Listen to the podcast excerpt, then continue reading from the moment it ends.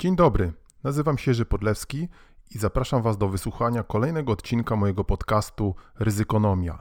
Więcej ryzykonomii, informacji o moich e-bookach, usługach doradczych i szkoleniowych znajdziecie na stronie www.ryzykonomia.pl.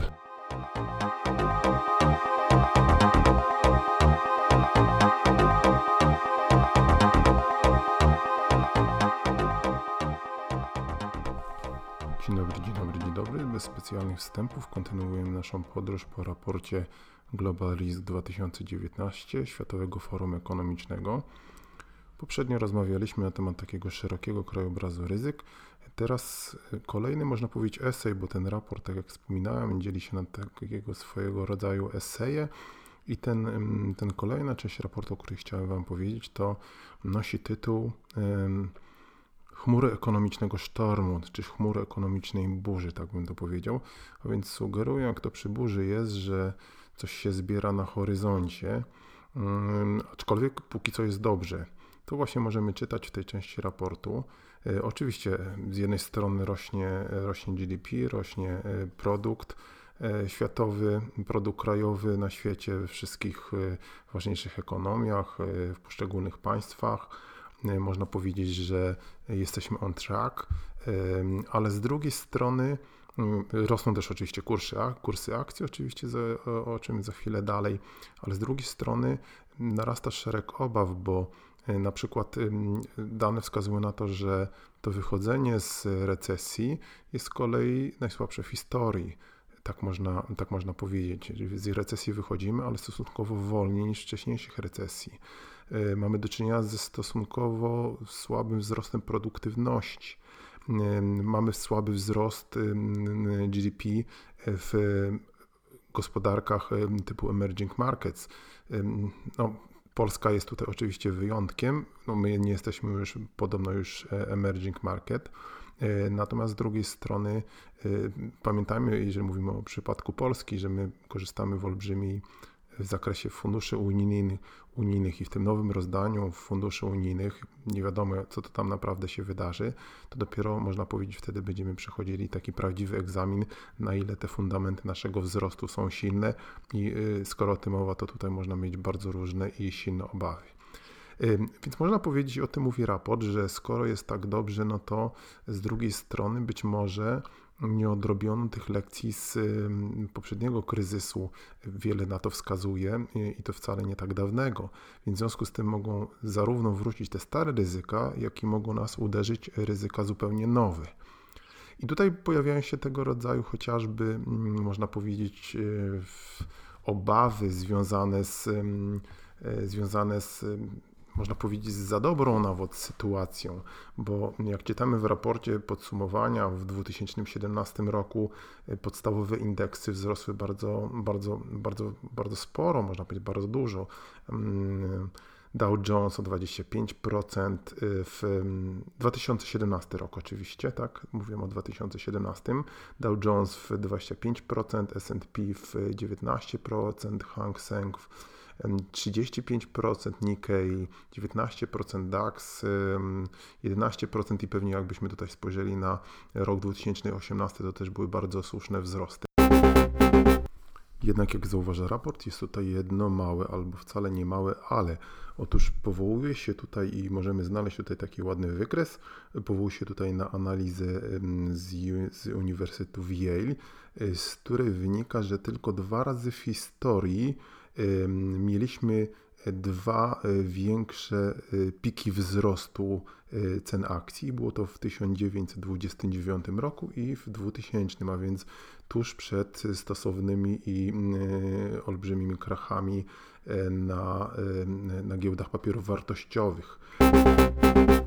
Kolejna obawa, którą wyrażają autorzy raportu, jest związana z anomaliami na rynku obligacji, a mniej więcej sprowadzającymi się do tego, że w już w 2017 roku prawie 9 trylionów w dolarach wart obligacje były e, de facto sprzedawane z negatywnym yieldem, czyli de facto kupujący płacili tym, którzy te obligacje wypuszczali za samą możliwość kupowania tych obligacji To było między innymi spowodowane, tutaj się wspomina o masowej, masowym wykupywaniu tych obligacji przez banki centralne, które w ten sposób, można powiedzieć, no, wpływały na, na, na budowanie, na, na, na pompowanie tej bańki obligacji. Nawet doszło do takiej przedziwnej w sumie sytuacji, że te obligacje wysokiego ryzyka, obligacje korporacyjne są sprzedawane, były gdzieś tam w 2017 roku sprzedawane e, z takim samym yieldem, czyli z tak, tak, taką samą przynosiły rentowność jako um, obligacje rządu amerykańskiego, które są jak wiadomo um, traktowane jako taki benchmark risk-free przy wszelkich modelach, modelach kosztów kapitału, e, więc to, to nie jest, jak zauważają autorzy raportu, sytuacja normalna. Y, podobnie było oczywiście, i to wszyscy mamy okazję, możliwość obserwować na rynku nieruchomości. Mm, tutaj bite są wszelkie możliwe rekordy. Wspomina m.in. o tym IMF, International Monetary Fund, y, kiedy y, de facto dochodzimy teraz do takiego piku, który miał miejsce tuż przed tym sławnym kryzysem mm, pęknięciem banku na rynku nieruchomości. No w Polsce nie, musi, nie trzeba chyba to, tego tłumaczyć. Widzimy, że ceny nieruchomości osiągnęły tutaj e, u nas e, we wszystkich większych miastach jakieś niebo, niebotyczne rekordy. No i no, pytanie, czy te rekordy będą kontynuowały, to już jest moja prywatna opinia. Będą się, będą, da, będą się dalej kontynuowane, to moja prywatna opinia, że no, nie jest to możliwe w nieskończoność. Tak? Więc oczywiście się pojawi pytanie, kiedy taka bańka może e, pęknąć, bo to, że pęknie w pewnym momencie, no to, to jest rzecz naturalna. Dalej w raporcie autorzy zajmują się światowym systemem bankowym i tutaj znowu zaczyna się wszystko od dobrych y, newsów, od dobrych wiadomości, bo w 30 największych ważnych z punktu widzenia ryzyka systematycznego bankach y, wszystkie wskaźniki kapitałowe rosną. Mamy jednak do czynienia z kolejnymi mm, regulacjami, które, tak jak Volcker Rule, które, które wpływają na bezpieczeństwo e, systemu bankowego. Mamy do czynienia z jednak panowaniem regulatorów nad tą akcją kredytową. Więc skoro jest tak dobrze, to dlaczego jest, czy mogłoby być gorzej? Skoro jest tak dobrze, to dlaczego miało być gorzej? W każdym razie może nie tyle autorzy raporty biją w dzwon, ale chociażby zwracają uwagę na słabość stosowanych obecnie miar ryzyka, które w dużej mierze opierają się na pewnych subiektywnych e, metodologiach, e, które niekoniecznie można powiedzieć, w dostateczny sposób e, mierzą taką prawdziwą niepewność, te różnego rodzaju nie tylko czarne łabędzie, ale, ale ryzyka, które, które po prostu jest no, dużo, dużo trudniej uchwycić na podstawie takich, e, można powiedzieć, typowych, e, typowych e, istniejących już rozwiązań, sugerując również tutaj, że powinny się tutaj te, te analizy unowocześniać i, i zmieniać w tym względzie regulacje, ale no, atmosfera nie jest teraz za dobra, no bo skoro jest tak dobrze, to komu się chce tutaj wprowadzać kolejne reformy i dotyczy to również chociażby kwestii takich związanych z tym sławnym too big to fail. Dość powiedzieć, że aktywa tych największych 30 banków wzrosły bardzo znacznie. W 2006 roku to było 30 trylionów dolarów, dzisiaj mamy ponad 43 tryliony dolarów, czyli tą koncentracja kapitału, ale więc koncentracja ryzyka się powiększa. Gdyby coś się stało, no to mielibyśmy jeszcze, można powiedzieć, upadek z jeszcze większym, z jeszcze większym hukiem.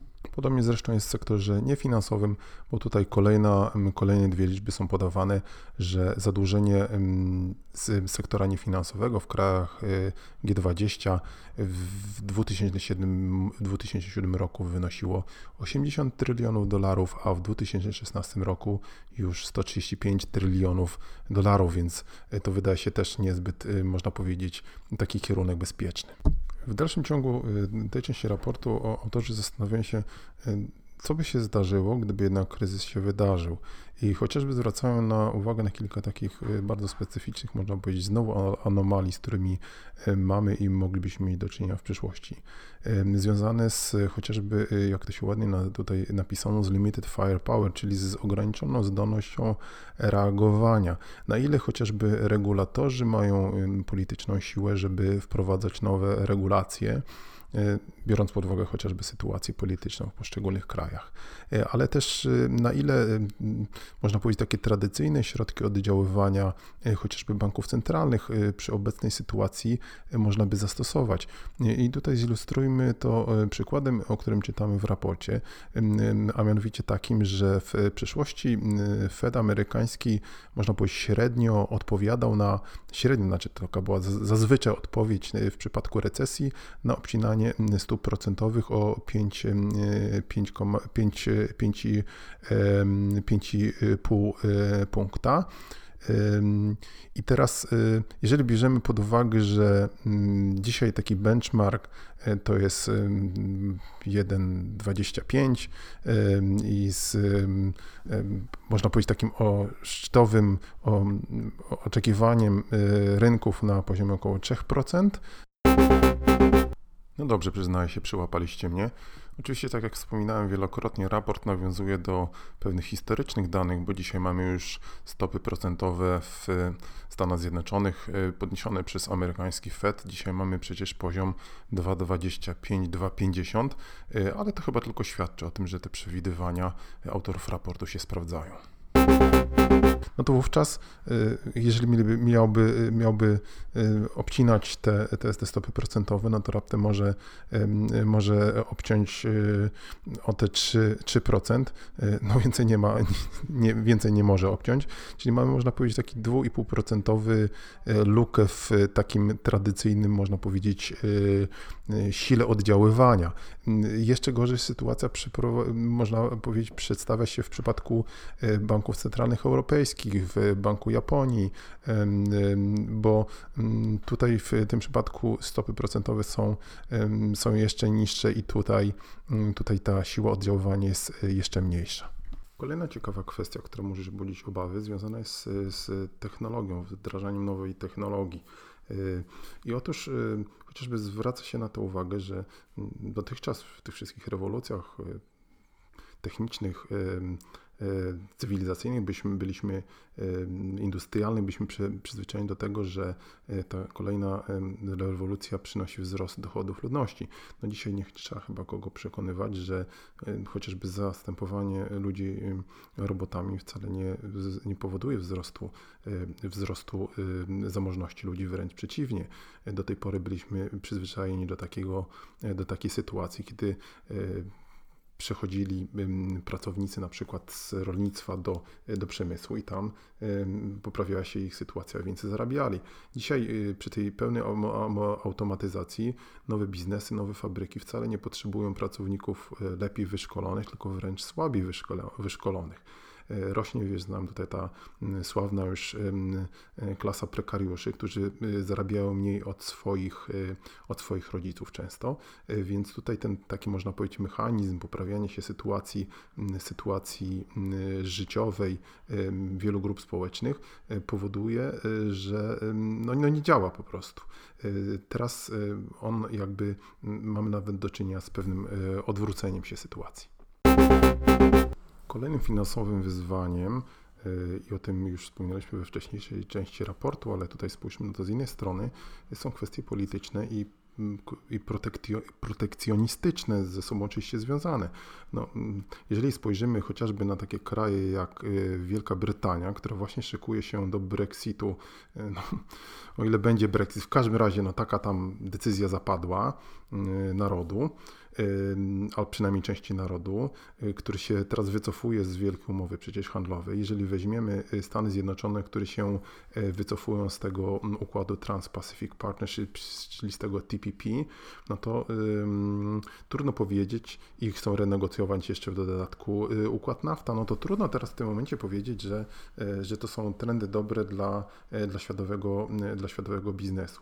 Przytaczane są tutaj również dane z Global Trade Alert, takiego badania, która, które obserwuje praktyki protekcjonistyczne i interwenionistyczne interwencyjne chyba, tak, w, na świecie, no to już od, o, okazuje się, że w ostatnich latach mamy bardzo y, znaczący wzrost y, tych praktyk, które mają charakter dyskryminacyjny. Ich jest y, prawie trzy razy więcej niż tych, które mają charakter y, liberalizujący. To wszystko są bardzo trudne słowa, wybaczcie, język mi się plącze.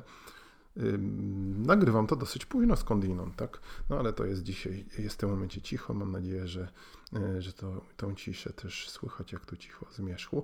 No więc wracając do naszego tematu, e, nie są to na pewno dobre, dobre można powiedzieć, przesłanki dla, dla rozwoju handlu. I tutaj bardzo ciekawa rzecz, ja się wreszcie bardzo cieszę, że ktoś to powiedział i napisał, tym bardziej y, Światowy Forum Ekonomiczne. Autorzy raportu zwracają uwagę, że jest to zadziwiające, jak na te wszystkie geopolityczne, polityczne Y, problemy reagują rynki finansowe. Otóż one pozostają niezwykle optymistyczne. Tak, tak jakby żadne ryzyka polityczne na horyzoncie się nie, nie działy, jakby nie okazywało się, i to raport przecież o tym wielokrotnie wspomina, że, y, że, że badani w raporcie mówią, że w związku z chociażby z tymi różnymi praktykami, z tymi światowymi wojnami handlowymi rośnie ryzyko konfliktu militarnego. A cóż jest gorszego dla, dla handlu niż pożoga i zniszczenie? No więc rynki finansowe w ogóle na to nie reagują. I teraz pojawia się pytanie, co będzie, jeżeli one w pewnym momencie zareagują? No to wtedy prawdopodobnie wszyscy rzucą się jak szaleni do exitu, tak? Do exitu, do wyprzedawania swoich aktywów, no i wtedy to naprawdę wszystko huknie, huknie o ziemię. E, więc e, no, tak jak, e, tak jak tutaj można, generalny wniosek z tej części raportu, jest dobrze, ale jest tak dobrze, że dobrze byłoby się zastanawiać, co, co może się gorszego wydarzyć. Dzisiaj kończymy to nasze krótkie omówienie kolejnego rozdziału. Wracamy za chwilę, tak jak obiecaliśmy. Y, odcinki będą teraz trochę krótsze, ale będą się ukazywały y, częściej. Do usłyszenia. Bye, bye, bye, bye.